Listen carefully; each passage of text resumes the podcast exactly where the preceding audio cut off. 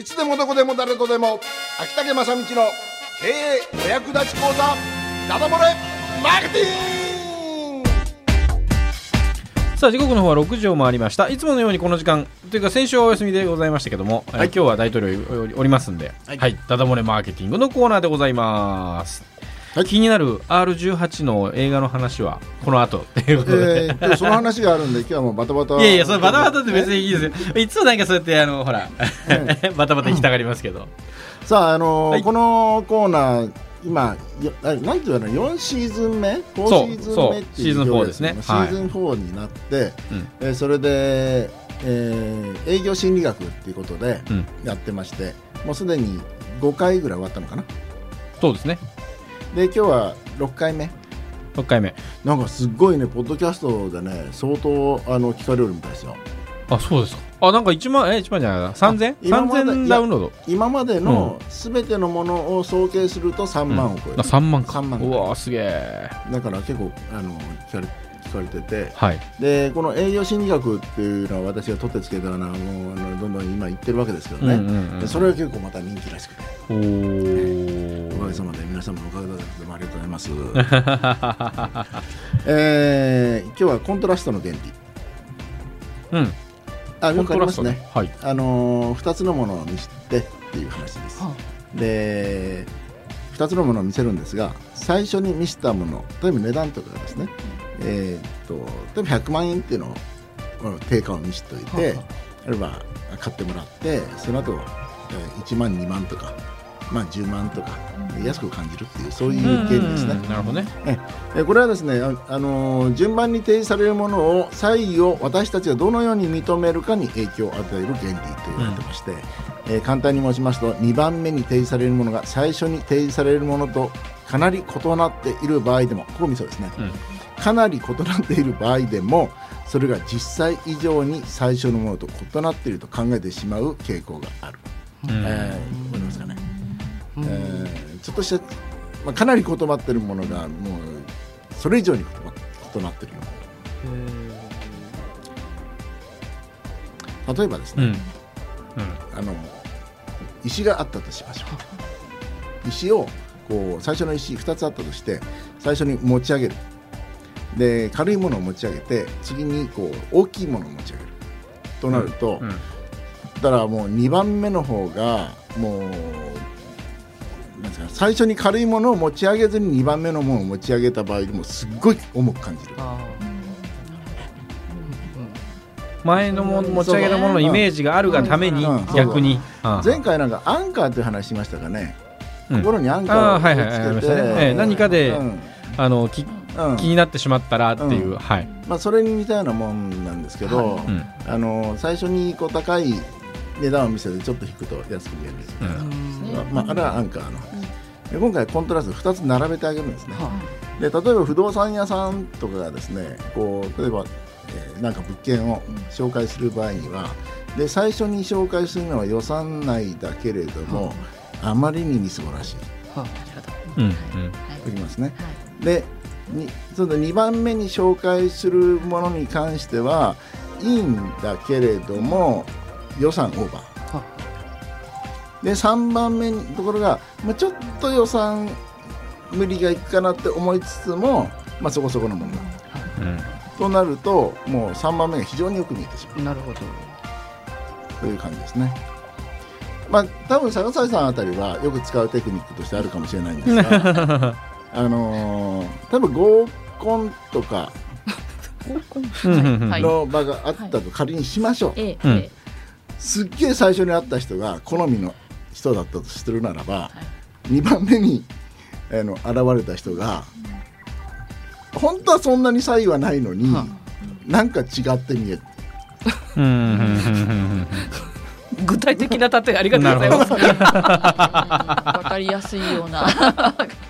ではではコントラストなんです、はい、だから何かを売りたいと思った時にその比較で最初のものがあるがために後のものがよく見えすぎるみたいな形でそれで結構皆さんがね、えー、落とされていってるとい。うふうな形がありますのでってことですね。であとそうですねどうなりますか？ね。まあ今日はそんな感じでしょう。あそうですか？なんか脳内基準みたいな感じなんですかね。だよね。あのー、まあ売り手側がね、はい、意図的にそれを作って脳の中に基準を作っちゃうってことですよね、でだからこれ確かにですねすごくまあ引っかかるって言葉がいいか悪いか分かりませんがまあ、悪意があってするならば引っかかるということですけど、はい、非常に引っかかりやすいテクニックでありますよね、うん、本当に古典的なというか、うん、うん、テクニックですのでこの辺りはですねしっかりとやっぱこれどうやって防御すりゃいいんだろうね。いや防御簡単な防御はまた別のところ、うん、別の合コンに行くっていう。合コン、ね、別のこう選択肢があれば、全然違うステージがあればいいんでしょうけど、うん、でも別のステージがない時はここの基準っていうかこう、そこで決めなきゃいけない売った側の基準に決めなきゃいけないですよね。そうなんだよ、ね、ええ、だからそのあたりをまああの巧みにね、えー、まあこの営業心理学って一番活用しているのはこのあのシーズン4の中でいつも言うんですけどあのもともと粗悪品を売ってるという認識のあるあの悪徳業者が一番使うんですよね。だから真面目な業者ほどいやそこまでしなくてもそのうちきっと口コミで広がってとか紹介があってっていうふうに結構安易に考えてるもんですから、はい、口コミの紹介も基本的に広がらない、はいはい、悪徳業者の方々人たちは粗悪品だって知ってますから誰も買わないし口コミしないしそれから紹介しないっていうことも知ってますからいかにその買わせるかとか口コミするかってことに集中するわけですよね。今朝なんか偶然 NHK のニュースで、なんか振り込め詐欺、であのなんか詐欺に遭う人の話があって、要するに波状攻撃のように情報をばーっとして、そいつの間にかその情報にもう刷り込まれてしまう、なんか9人の違う職種ですっていう人から電話かかってきて、電話だけなのに信じてしまったみたいな話が出てましたけど、ひょっとそそれに近いのかな？かもしれません、ね、そうそう。まああのー近いうちがもうあの基本的に心理学で攻めてきますね、うん、心理学を研究して攻めてくるんで、えー、もうそのミックス技でどんどんきますんでね、そういう業者の方はそういうノウハウをも駆使しないとっていうことですよね。そうそうそう。それだけで売り込む。そうそう。だからあのー、まあ私のこうやってお話してるスタンスがねあのなんで真面目な業者があの悪徳業者のごとく学ばないんだっていうことなんですよね。なるほど。そうするとこれにちこんな知恵もないじゃないですか。はいはい、だから悪徳業者がいっぱいいてそれが付け入る隙を与えてるのはもう普通の商売人真面目な商売人がサボってるだけなんだって話なんですね。なるほど。極論すればね。はいはい。そうすればみんながもっと自分の売ってるいい商品を、えー、自信を持ってもっと、えー、買ってもらいその口コミしてもらい紹介してもらえるような。その力がつけばね、うん、そしたら不業者はそこにも入り込んでいくんですけど、はいまあ、その後防御になりますよね。はい、だからあの真面目な商売人ほど、ま、あのもっともっと悪徳業者のごとく学んで、うん、えー、やれば、うん、こんな世の中が幸せになることはないと。というかちょっと素朴な疑問ですけど、適正価格って何なんですかね？なんかよくテレビとかで出てくるときに、そのなんかすごくもう利益を度外してみたいな。こんなんだったらそちゃんと利益取ればいいのにみたいなの。だからそのデフレが起きてるみたいな現状があるじゃないですか。だからなんかその適正価格があってその話があると思うんですけど、うん、なんか多分適正価格がデフレですごいその崩れてしまっているから、うん、そういう悪徳業者みたいな話がその粗悪品でさらに安いものみたいなのが出てくると思うんですよ。あ悪徳業者はですね基本的に粗悪品は高く売るんですね。はいはいはい。あのー、だからなんですかね例えば商品があってですね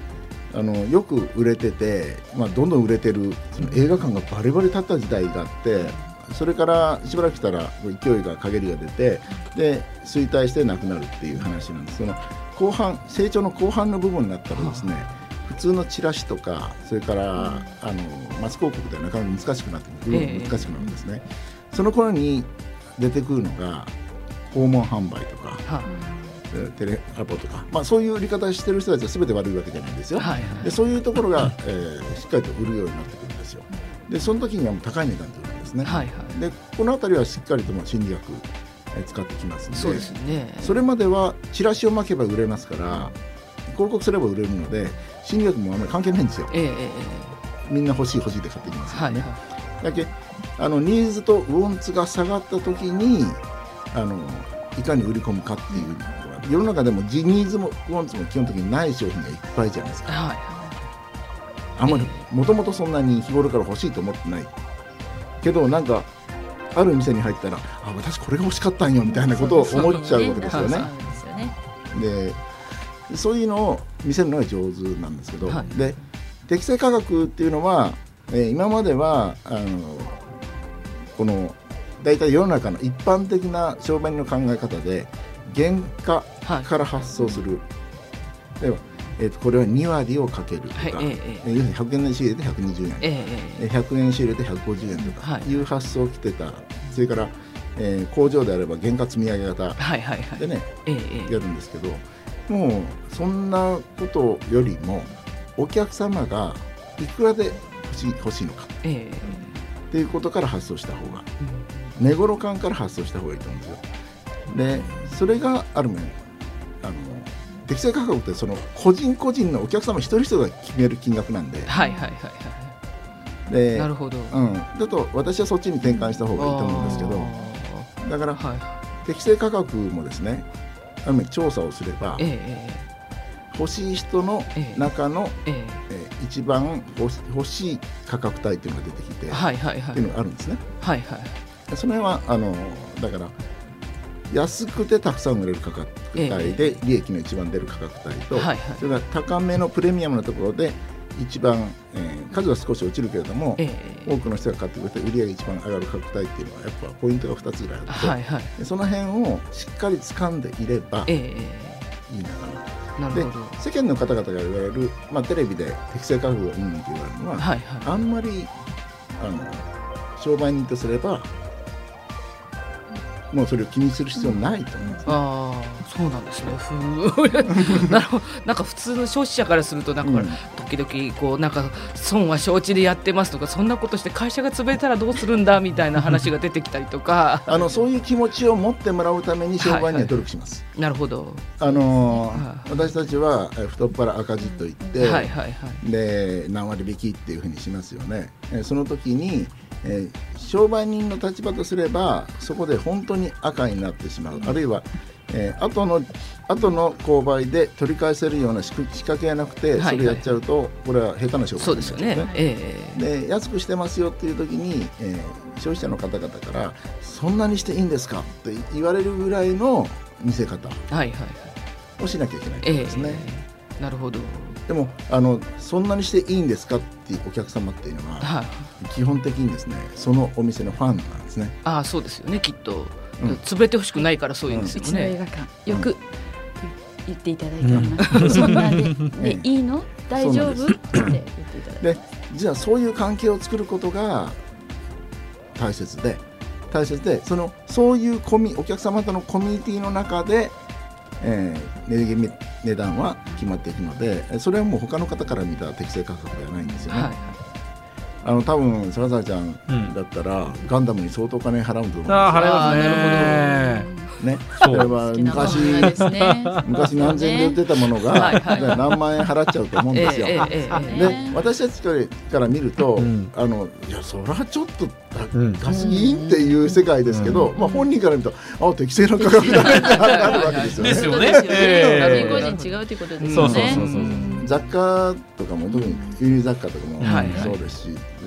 古物とかうんね、ええそうですよね。えまあ、そういうふうなのありますんであんまり適正価格をですね、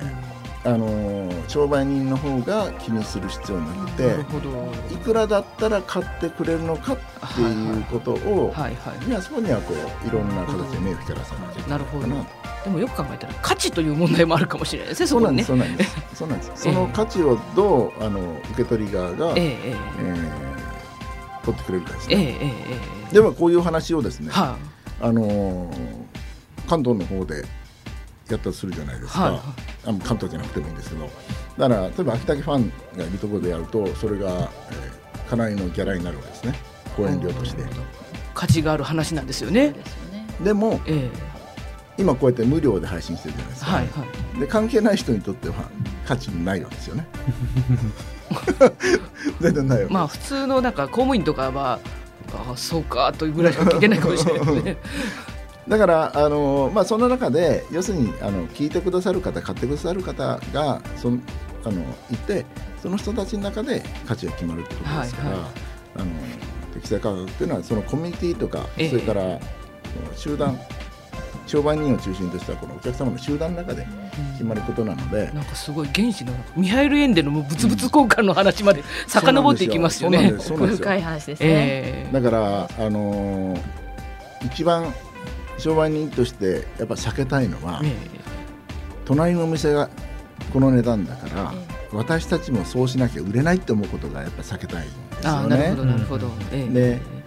そういうふうにですね価格設定をよそ見を見て変えるであればですね少なくともよそ主導で変わる自分じゃなくて、え高くするにしろ安くするにしろやっぱり自分が主導のプライスリーダーにならなきゃいけないですね高いばっかりの値段でもなくて安いばっかりでもなくて高かろうが安かろうがやっぱ自分主体のプライスリーダーにならないといけないなんか電気屋さんに教えてあげたいですよね、その話はですね。そうですね。だから彼らはチラシを持ってきたんですよね。うん、彼らのですね。あの長くなっちゃったですね。いいですよ。いや本当の値段って何なのかなって思うんですよ。でも電気屋さんが他店よりも、えー、うちよりも安い値段からチラシ持ってくださいって言うじゃないですか。その時にではそれで儲からなかったらどうするのかと思ったりしますよね。でももしかしたらそれ以外の狙いがある可能性があるんですよね。そうですよねきっと、えー、うん、例えばさっきじゃないけど、えー、50万円の、えー、50万のせなきゃ例えば20万のテレビを買いました、はいはい、その時には20万円を見てるからそこに付属品のやれこれだこれだっていうのは安くなって結局いくらになっちゃう話ですよね。種類がたくさんありますからね、うん、だから電気屋さんというのはですね。あれはだからオファー特典を何にするかっていう今度観点になると思うんですよね、はいはい、お客様を呼ぶためですね、えー、まあ、当然利益は出さないと、うん、会社は成り立っていかないですからね、うん、だから消費者としてはそのどっちを取るかっていうのをちょっとちゃんと見定めなきゃいけないですよね、うん、この辺りの値付けはどうされました？この辺りの値付けは それはあの他店を気にしてですよ。まさに。だから今もうあのシニアの方がいつも1000円でご覧になれますから、そこを基準にしたというのは、あとやっぱただえっと、変な話私たちも一応あの消費者として例えば